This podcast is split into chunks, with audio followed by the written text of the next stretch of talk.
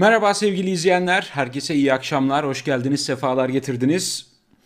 Şimdi neden yayına geç başladın diye soracak olursanız gör, görüntü size gereken cevabı verecektir. Yayına başlamak üzereyken bilgisayarda bir şeyler olduğu yine Bill Gates benimle uğraşıyor. Yine Microsoft'un üzerimde oynadığı oyunları görüyorsunuz.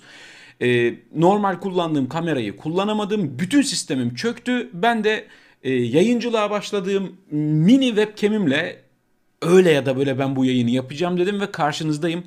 Ee, yani kusura bakmayın 10 dakikalık gecikme tamamen teknik problemlerden oldu. Yoksa ben hazır ve nazır bir şekilde karşınıza çıkıyordum ki e, vallahi kanter içinde kaldım. E, iyi olduğunuzu ümit ediyorum. Beni soracak olursanız işte ben böyle bir hal içindeyim yani sevgili izleyenler. Ama merak etmeyin öyle ya da böyle e, yayın yapıyoruz ve konuşacaklarımız var. Yani görsel olarak e, çok iyi bir şey sunamıyorum belki bugün size ama yine içerik olarak elimden geleni yapacağım merak etmeyin. İsterseniz tabii ki yayını e, işte Twitter'da, Facebook'ta, sosyal medya hesaplarınızda paylaşabilirsiniz. Çünkü ben öyle yapıyorum. Bugün birazcık geciktim aslında çoktan e, paylaşmış olmam gerekiyor yayın başlamadan önce ama yine de oradan da duyanlar gelenler olacaktır diye ümit ediyorum. Yayına başlayalım sevgili izleyenler. Şimdi burada bugün yayının başlığı lebalep felaket. Lebalep dolu salonlarda kongreler yapıyorlar, mitingler yapıyorlar. Yani bir siyasi parti bununla her zaman övünebilir. Kalabalıkla övünebilir. Bir siyasi parti bindirme kalabalıklar da getirebilir. Siyasettir bilmem nedir. Hani saygı duyarsınız. Ha saygı duymasanız bile dersiniz ki siyaset politikacı yapacak bir şey yok. Ama işin ilginç yanı koronavirüs diye bir şey var bütün dünyada. Ama Buna rağmen bunu yapıyorlar. Ve Türkiye'nin her tarafında yapıyorlar. Yani felaket kol geziyor adeta. Şehir şehir turneye çıktı. Yani resmen koronavirüs sponsor olmuş. Tamam mı? Sponsor olmuş demiş ki ben partinize işte şu kadar milyon dolar vereyim. Siz de şehir şehir gezin. Böyle milyonlarca insana bulaşma imkanı oluşturun bana demiş. Ve salonları dolduruyorlar. Tıklım tıklım mesafeymiş, hijyenmiş, maskeymiş. Ama ne gerek var? Kaldı ki sevgili izleyenler, maskede taksanız, mesafeye de dikkat etseniz, kapalı bir alanda kim bilir kaç saat bekliyor o insanlar. Toplanıyorlar. Ha tabii ki siz üç kişi bir araya gelemezsiniz. Sizin babanız ölse cenazesi için bir şey yapamazsınız. Yani öyle. Siz yapamazsınız ama onlar yapabiliyorlar. Ya burada tabii ki birkaç gösterge var bana kalırsa sevgili izleyenler. Bunlardan birincisi Zaten kurallara uymayı, kanunlara uymayı sevmeyen bir güruh var karşımızda. O yüzden aman yani kanun kimin umurunda? Sonrasında güçlüler. Kimse onlara dokunamıyor ya şu anda. Onun verdiği bir rahatlık var. Burada o rahatlığı görüyoruz. Üçüncüsü ve bence de en önemlisi işler istedikleri gibi gitmiyor. Cumhur İttifakı'nın oy oranı ikisini topladığınız zaman o ufak tefek sağdan soldan destekçileri de var böyle. Onları da eklediğiniz zaman yüzde kırkı bile bulamıyorlar şu anda büyük ihtimal. Benim tahminim o yönde. Yani anketler belki biraz üstünü biraz altını söylüyor olabilir. Ama yüzde elliyi bulamayacakları kesin, adil, dürüst, düzgün bir seçim yapılırsa yüzde elliyi bulma ihtimalleri yok. Unutun onu. E dolayısıyla da ne oluyor? Dolayısıyla da bu sefer e, her ne şartta olursa olsun her türlü kuralı çiğneyerek, her türlü felaketi göze alarak işte kongreler yapıp kendi tabanlarını diri tutmaya çalışıyorlar. Hala güçlüyüz, hala ne, neydi o? Bir olacağız, iri olacağız, diri olacağız diyorlar ya. Bunu göstermeye çalışıyorlar. Ama bu bir e, sorunun da göstergesi. Ya başlı başına bir halk sağlığı sorunu zaten bu. Yerin dibine bassın politikası partisi yani. Ya düşünün Türkiye'nin her şehrinde üçer beşer bin kişilik kongre yapsalar. İşte mesela İzmir Kongresi'ni gördünüz. İzmir Kongresi'ne sadece İzmir'den mi insanlar geliyor? Bütün Ege bölgesinden otobüslerle insan taşıyorlar. Bilmiyor muyuz? Ha bunu sadece onlar değil bütün siyasi partiler yapıyordur. Ama bu ne demek? O kongrede bir kişide koronavirüs varsa bir anda Ege'nin bir sürü şehrine yeni yeni vakalar dağılacak demektir. Ama ne zaman anlayabiliriz bunu? 10 gün sonra, 14 gün sonra, 15 gün sonra anlayabiliriz. Peki nasıl engelleyebiliriz? Allah doktorların yardımcısı olsun. Allah sağlık çalışanlarına yardım etsin, sabır versin yani. Bu, bunlar ciddi çok önemli göstergeler bana kalırsa sevgili izleyenler. Ben Cumhur İttifakı'nın artık e, fiziken bittiğini düşünüyorum. Uzatmaları oynuyorlar. Elbette yani erken seçim falan yapmazlarsa bir seçim dönemini tamamlayabilirler. Bir dönemi tamamlayabilirler. Ama başka başka manevralar, başka başka hamleler gerçekten ülkeyi zor durumda bırakacak. Kendilerine oy kazandıracak ama ülkeyi zor durumda bırakacak. Ülkeyi zor durumda bırakacak ama kendilerine zaman kazandıracak hamleler yapabilirler. Daha evvel de yaptılar. Burada kaybeden hep halk oldu. Burada kaybeden hep memleket oldu. Ülkenin ekonomisi kaybetti, ülkenin eğitimi kaybetti, ülkenin adaleti kaybetti, ülke kaybetti. Ama onlar kazandılar. Yine böyle şeyler yaparlar mı? E tabii ki yaparlar. Kongreler ne ki? Şu an izlediğimiz, gördüğümüz, akla mantığa sığmayan, ya bu nasıl bir manyaklıktır dediğimiz kongreler, ülkeye kaybettiren şeyler bunlar. Ama galiba artık iyice muhakeme kabiliyetleri çöktü. Halkın buna nasıl tepki gösterdiğini de anlamıyorlar, umursamıyorlar. Erdoğan diyor ki şu anda dünyada aşılamayı en başarılı yürüten ülke Türkiye. Dün itibariyle hamdolsun 7,5 milyonu buldu. Gevşeme yok. Ya tamam. Yani 7,5 milyon kişiyi aşıladınız. E geri kalan 70 milyon ne olacak ya? Bir yandan doktorlar, hemşireler, sağlık çalışanları aşı yapıyorlar, kan ter içinde çalışıyorlar. Ellerinden ne geliyorsa yapıyorlar. Diğer taraftan AKP kongreleri, öbür taraftan koronavirüs partisi yapıyorlar resmen. Akıl mantık yok. Ha diğer taraftan tabii o aşı üzerinden dönen milyon dolarları da konuşacağız. Ona da sıra gelecek yani. Yani. Bakın İzmir Tabip Odası Baş İzmir Tabip Odası Başkanı Lütfi Çamlı AKP İzmir İl Kongresi'ni eleştirdi. 10 gün sonrası için İzmir adına kaygılıyız dedi. Yani azıcık aklını kullanabilen her insan kaygılı olur ya. Azıcık azıcık mantığını işletebilen, azıcık muhakeme bir dakika lan ne oluyor falan der yani. O kadar önlem, o kadar maske, mesafe, hijyen falan ne oldu? O kadar kapanmalar, hafta sonu sokağa çıkma yasakları, kapanan iş yerleri, iflas eden iş yerleri, ceza yiyen insanlar, ölen sağlık çalışanları, hayatını kaybeden vatandaşlar. Ne oldu bunların hepsi? Ben Söyledim vicdansızlık olarak kabul edebilirsiniz. Yine söyleyeyim. Şayet o kongreye katılan insanların başkasına zararı olmayacağını bilsem, sadece birbirlerine bulaştırıp birbirlerini zehirliyor olsalar bana ne diyeceğim artık ya? Aklını kullanmayan bir topluluğa biz ne diyebiliriz ya? Dünyanın en büyük doktorlarını getirsek, hani İzmir Tabip Odası Başkanı'nı hadi önemsemiyorlar. Hadi tabip odaları kapatılsın diyorlar falan ya. Türk Tabipler Birliği kapatılsın diyorlar filan. Onları zaten sevmiyorlar da. Ya acaba İbn Sina falan gelse böyle hani uyanıp gelse ya. Hani sevdikleri, anlata anlata bitiremedikleri böyle e, İslami karakterler, Müslüman karakterler uyanıp gelseler filan. Ya onları taşlarlar ya. İbn Sina'yı döverler, ağız burun dağıtırlar. Vallahi linç ederler. Mevlana falan dinlemezler yani. Yok dinlemezler. Ya ikinci Abdülhamit gelse oğlum manyak mısınız ne yapıyorsunuz geri zekalı mısınız dese Abdülhamit'i de hain ilan ederler. Yani o, o kadar, o kadar muhakeme bitmiş durumda. Nasıl anlatacaksınız bunu? Ama bu bir şeyin göstergesi dediğim gibi. Artık feci şekilde kaygılılar yani insanlar halkın sağlığı açısı mesela doktor, tabip ne diyor? Biz diyor İzmir için kaygılıyız, insanlar için kaygılıyız. Onların tek kaygısı oy, oy kaygısı, seçim kaygısı. Onun için de şu manyaklığı yapıyorlar. Dünyanın göz önünde şu manyaklığı yapıyorlar. Söyledikleri yalanlar, o sayıları küçük açıklamalar, yuvarlak hesaplar, şunlar bunlar yetmedi. Şimdi bir de bu var. Türkiye'nin bütün şehirlerine gidip kongre yapıyorlar. Lebalep dolduruyorlar. Dudak dudağa. yani bayağı hani öyle dolduruyorlar. Bir gösterge daha, Cumhur İttifakı'nın artık can çekiştiğinin bir göstergesi daha. Devlet Bahçeli mantıklı konuştu. Devlet Bahçeli efendi efendi böyle bir insanın söyleyebileceği cümleleri kurdu.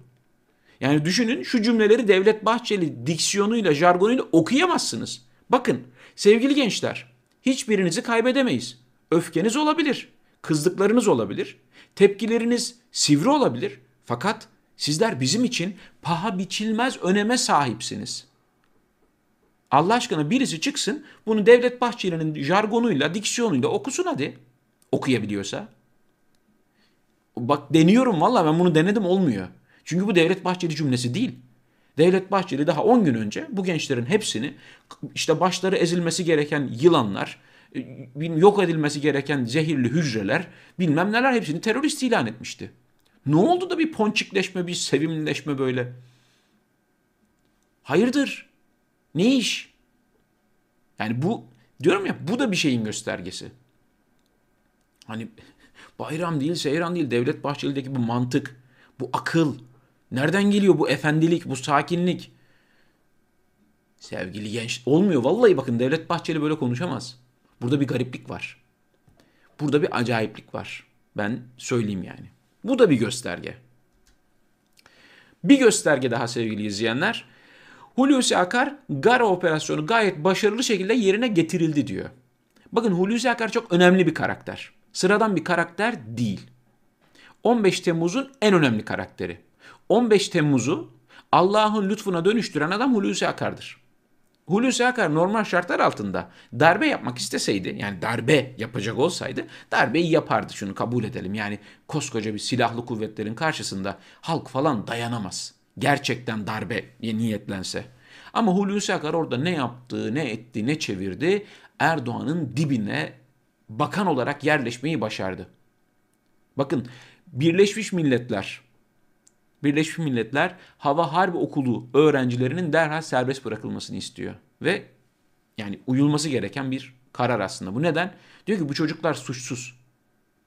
Hava Harbi Okulu öğrencisi bunlar. Emir almışlar gitmişler. Bak öğrenciler müebbet alıyor ama komutanlar rütbe alıyor. Komutanın birisi de Milli Savunma Bakanı oluyor. Bana biraz garip geliyor. Ve diyor ki Gara operasyonu gayet başarılı diyor. Bunun gerçekten neresi başarılı? Bu kadar mı aklınızı kaybettiniz? 16 kayıp vermişsiniz ya. Bakın orada hiç esirler olmasa sevgili izleyenler. Orada hiç esirler olmasa, rehineler olmasa. Buna rağmen bir operasyon yapsalar ve operasyonu yapan askerlerden 16 kayıp verseler bu da korkunç bir felakettir. Bu da büyük bir hezimettir. Bu da büyük bir kayıptır. Ama diğer taraftan ya operasyonu yaptığınız yerde Esirler var ve hepsi hayatını kaybediyor. Bunun neresi başarılı? Siz kime ne yalan söylüyorsunuz? Kimi kandırıyorsunuz? Aklınız, mantığınız ne söylüyor yani? Ağzınızdan çıkanın farkında mısınız? Yok. Gayet başarılı diyorlar. Sizce de saçma değil mi? Sizce de abuk subuk bir durum değil mi bu? Bu da şunu gösteriyor. Demek ki herhalde galiba galiba rehine kurtarmaya gitmemişler oraya. Herhalde öyle yani yoksa insanlar ki bu başarısızlık der yani. Başarılı diyor. Bakın Milli Savunma Bakanı Hulusi Akar gerekli karşılık verildi demiş. Türkiye Ege sularında araştırma yapan e, TCG Çeşme gemisinin Yunan jetleri tarafından taciz edildiğini duyurdu. Gerekli karşılık verilmiş. Bu vardır yani it dalaşı dedikleri şey. Uçaklar birbirine yakın uçuş yaparlar falan filan. Hani herhangi bir çatışma olmaz silah ateşlenmez ama uçaklar işte birbirlerine yakın uçuş yaparlar. Artistik uçuşlar yaparlar falan. Yani buradan şunu görebilirsiniz sevgili izleyenler. Sık sık durmaksızın yeni bir düşman arayışı, yeni bir gerginlik arayışı. Yani Güneydoğu'da olmadı Yunanistan, olmadı oradan başörtüsü, oradan bilmem ne, oradan bir Ayasofya verelim, oradan bir din girelim, oradan bunlar zamanında falan diyelim, onlar hani sürekli bir Sürekli bir yeni bir düşman arayışı, bir gerginlik arayışı, politik söylem üretme arayışı. Çünkü ekonomide konuşacak bir şeyleri var mı Allah aşkına? Ekonomi konusunda ağızlarını açıp konuşacak.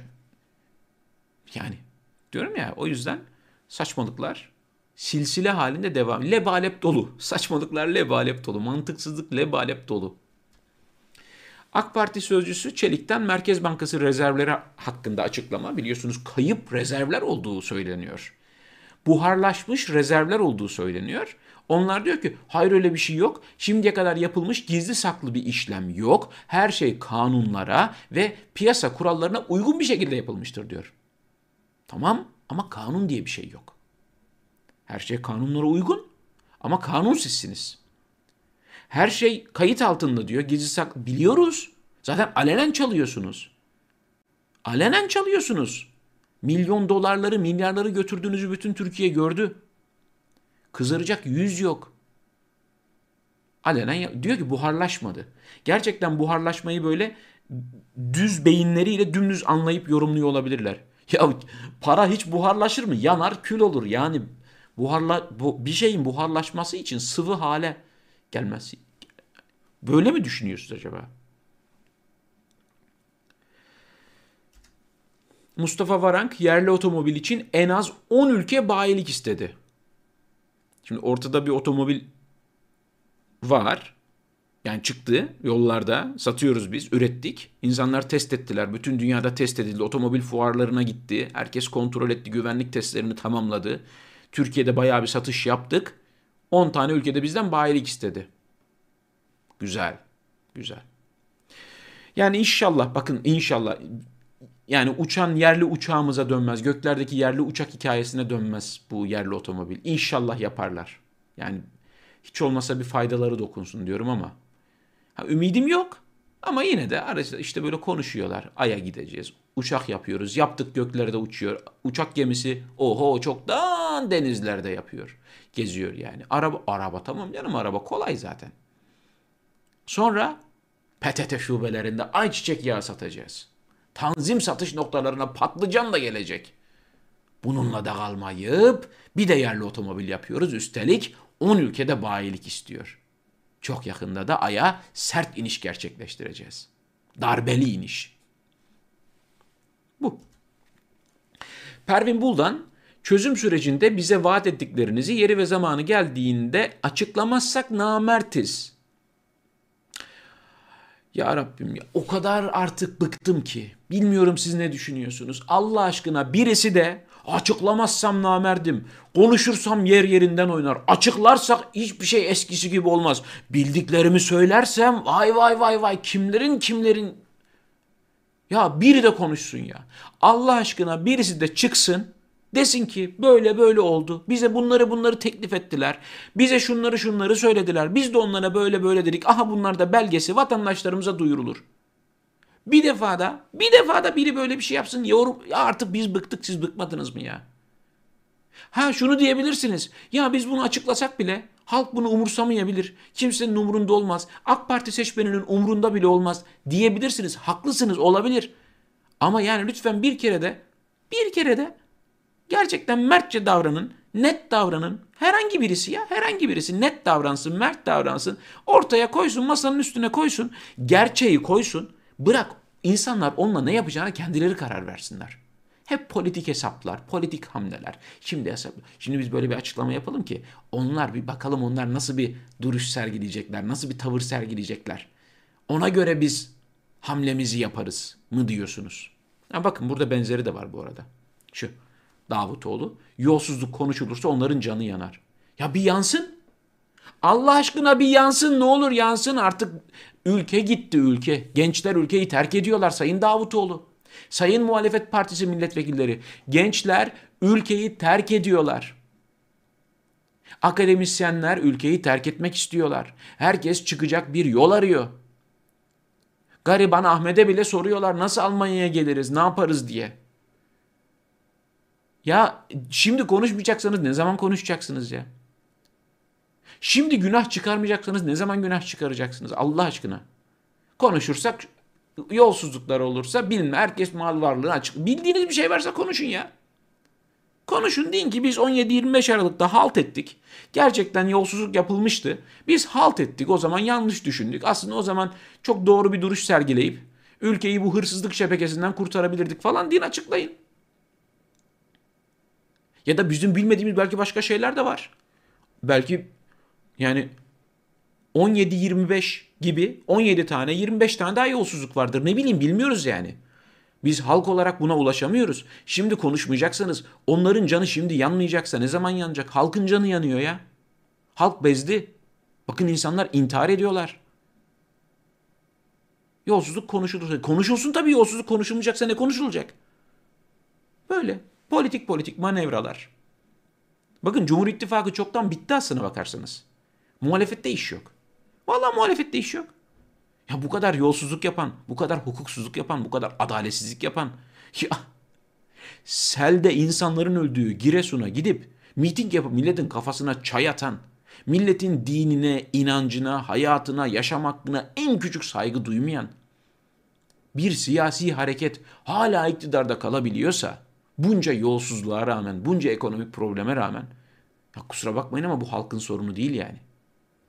Muhalefetiz, biz iktidar adayıyız diye oralarda kürsüleri işgal eden politikacıların sorunu. Yani lütfen grup toplantısındaki konuşması yarıda kesilen Kemal Kılıçdaroğlu Habertürk'te katılacağı programı iptal etti. E, güzel. Aferin. İyi bir şey bak bu. Kardeşim yani bu Habertürk falan da şey biliyor musunuz? Hani havuz medyası değilmiş gibi davranıp havuzluk yapanlar. Niye yayınlamıyorsunuz? Niye yayınlamıyorsunuz mesela? Yani bir hesap yapın. Bir hesap yapın. Deyin ki biz siyasi partilerin tamamının grup konuşmalarını, grup toplantılarını şu kadar şu kadar yayınlayacağız. Ama işte Kemal Kılıçdaroğlu bir konudan bahsetmeye başlayınca ne oluyorsa Alo Fatih devreye giriyor. Hop orada kesiliyor yayın. Meral Akşener bir şeyden bahsederken küt gidiyor yayın. HDP onu zaten vermiyorlar. Çoğu vermiyor zaten. Tabii canım. Ya Olay TV niye kapatıldı 26. günde? HDP'nin grup toplantısını yayınlıyorlar diye kapatıldı. Orada bir siyasi parti var. Tabii tabii kanunlara uygun kurulmuş bir siyasi parti var. İnsanlar oy verebiliyorlar üye olabiliyorlar, milletvekili olabiliyorlar. Politik görüşmeler yapılabiliyor. Yani düşünün HDP iktidar olabiliyor bakın. Yani normal şartlar altında yeterince oy alırsa iktidar olabiliyor. Ama öyle bir şey var ki işte grup toplantısını yayınlayınca 26. günde kanal kapatıyorlar. Bence Kemal Kılıçdaroğlu güzel bir şey yapmış. Madem ellerinde böyle bir imkan var çünkü muhalefetin katılmadığı yayınlar izlenmiyor. Rating yapmıyor sevgili izleyenler. Cumhurbaşkanının yaptığı yayınları kimse izlemiyor. İktidarın, bütün üyelerin iktidardan oluştuğu, bütün konukların iktidar yandaşlarından oluştuğu yayınları kimse izlemiyor. Elinizde böyle bir güç var. Hiç olmazsa bunu kullanın. Güzel bir şey. Güzel bir şey yani. Gelmek isterlerse ben yayına konuk alabilirim. Bizi bir şey sınmıyorlar ama olsun yine de. Kanada Federal Parlamentosu Çin'in Uygur Türklerine yönelik uygulamalarını soykırım olarak tanıdı. 266 milletvekili tasarıya evet derken oylamaya katılan tek bakan hükümet adına çekimser kaldı. Hiç önemli değil. Hiç önemli değil. Bir mecliste 266 milletvekili evet oyu veriyorsa ve Çin'in Uygurlara yaptığı soykırım olarak kabul ediliyorsa bu çok önemli bir olaydır. Evet çok önemli bir olaydır. Türkiye'de meclise böyle bir şey gelse kaç ne kadar oy çıkar dersiniz? E tabii ki işte yani AK Parti ile MHP çoğunlukta olduğu için tabii ki diğer muhalefetin bütün milletvekilleri katılsa bile hayır oyu çıkacaktır. Yani dünyanın en faydalı tekliflerine bile hayır oyu verebiliyorlar sonuçta. Yani en faydalı tekliflere bile hayır oyu verebiliyorlar. Doğu Türkistan, Uygur ve umurlarında değil. İşlerine gelmeyen, kendilerine oy kazandırmayacak hiçbir zulme ses çıkarmıyorlar. Ellerinden gelse Çin'in Uygurlara yaptığını onlar da zaten Türkiye sınırları içinde Türkiye Cumhuriyeti vatandaşlarından bazılarına seve seve yaparlar ve yapıyorlar da. Tabii ki sık sık şu geliyor yani. Ya nasıl ses çıkarmazlar filan. Nasıl ses çıkarmazlar göstereyim mi? Şu yüzden ses çıkarmazlar, çıkaramazlar. Kendi ülkesinde benzer zulümleri yapan, kendi ülkesinde benzer baskıları yapan bir siyasi iktidar başka ülkedeki haksızlığa, zulme ne diyebilir ya? Gönüllü destek oluyor zaten. Destekliyor. Çin'in Uygurlara yaptığına destek veriyor Cumhur İttifakı. Açıktan destek veriyorlar. İşte örnek Aladağ'da bir yangın olmuştu hatırlıyor musunuz? Tabii ki hatırlıyorsunuz. Kim unutabilir? 11 öğrenci 12 kişinin yaşamını yitirdiği Aladağ'daki yurt yangınında yeni gelişme. Aladağ Belediyesi yangında yaralı kurtulan öğrencinin ailesi hakkında vekalet ücreti nedeniyle icraat takibi başlattı.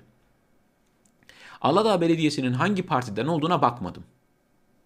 İlgilenmiyorum da. İktidardan da olabilir, muhalefetten de olabilir. İlgilenmiyorum. Bu, bu gerçekten ilgilenmiyorum. Bu çok çok büyük bir problem. Aladağ'da hiçbir insan kalmadı ya. Koca Adana'da hiçbir insan kalmadı. Son anda, son anda çocuğunu oradan yaralı kurtarmış ki nasıl yaralandı, neler, nasıl bir yara aldı acaba o çocuklar? Yaralı kurtulanlar nasıl bir psikolojiyle çıktılar oradan? Ya da vücutlarının nereleri ne kadar yandı, ne kadar iz kaldı? Maddi ya da manevi. Nasıl izler kaldı? Peki bu yangından sonra adalet gerçekten tecelli etti mi? Ne yazık ki. Ve şimdi vekalet ücreti nedeniyle icra takibi başlatmışlar. İnsan utanır ya. Utanır utanır. Utanır ya. Der ki böyle acı bir olay var. Biz bunu biz bunu çözelim yani. Çözemiyorlar sevgili izleyenler. Sonra Çin'de o olmuş, Uygurlara bu yapılmış falan yani. Yemen aman yani hiç hiç girerler mi o konulara? HDP ve parti üyelerine yönelik uygulamaları eleştir. Ya neyse uzun uzun okumayayım. Avrupa Birliği yine çok endişeliymiş böyle. Ya böyle bir içlerine bir sıkıntı şey yapmış böyle kendilerini hiç iyi hissetmiyorlarmış yani bu konularda.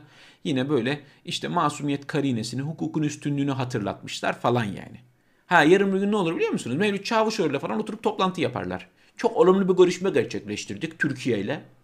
Sonra işte gece gündüz Avrupa'ya söven sayan AK Partililer, MHP'liler ondan sonra biz geleceğimizi Avrupa'da görüyoruz derler. Bunlar da derler ki aa çok güzel olumlu mesajlar aldık o yüzden yaptırım uygulamayacağız falan der. Böyle gider bu yani. Böyle bunlar kaygılıdırlar. Daha fazlası olmaz. Benim sık sık söylediğim şeyi bir daha söyleyeceğim sevgili izleyenler. Ben altını çizerek söylüyorum. Milleti içinde bulunduğu bu zaruretten, bu zor durumdan yine milletin kendi azim ve kararlılığı kurtaracaktır. Dışarıdan gelecek, yok Avrupa Birliği, yok Amerika, yok oradan buradan gelecek herhangi bir herhangi bir e, ne derler müdahale bilmem ne falan hiç faydası olur mu? Olabilir. Ama kalıcı bir faydası olmaz. Yapay, suni müdahalelerin, desteklerin, uyarıların, şunların, bunların bunlar sunidir milleti, ülkeyi içinde bulunduğu bu durumdan kurtaracak olan yine milletin azim ve kararlılığıdır. Muhalefet partileridir, sivil toplum örgütleridir, gazetecilerdir, yazarlardır, akademisyenlerdir, vatandaşlardır. Biz ancak çözebiliriz bunu. İşte onlar ancak kaygılı oluyorlar. Çünkü kendilerinden uzakta yanan bir ateş bu kadar umurlarında değil yani. Bu kadar umurlarında yani. En fazla bu kadar umurlarında. Ve sevgili izleyenler baya yani ben kaptırdım gittim yayına da geç kaldım diye böyle şey yaptım. Ee, ama yine de evet konuşabileceğim konuşmam gereken e, bütün e, konuları konuştuğumu görüyorsunuz sevgili izleyenler. Elimden geldiğince bunu başardım. D- dediğim gibi bugün e, bilgisayar sistem her şey çöktü. Son anda e, şu şu sevimli e, e, vefalı fedakar cefakar kameramı hatırladım minik kameramı. Onu taktım. Onun da görüntü kalitesi o kadar iyi değil ama en azından konuştuklarım size ulaşmıştır. E, derdimi anlatabilmişimdir. Yarın e, bu teknik sorunları çözüp daha sağlıklı bir şekilde karşınızda olabilmeyi ümit ediyorum tabii ki. Yayına katıldığınız için teşekkür ederim. E, hep beraber güzel güneşli iyi günler güzel günler görebilmeyi temenni ediyorum tabii ki bunun için tabii ki bunun için en çok ihtiyacımız olan şey moral motivasyon ve sağlık. Yarın görüşünceye kadar Türkiye saatiyle 22'de yine ben burada olmaya çalışacağım. Kendinize çok iyi bakın. Sağlıcakla kalın. Hoşçakalın.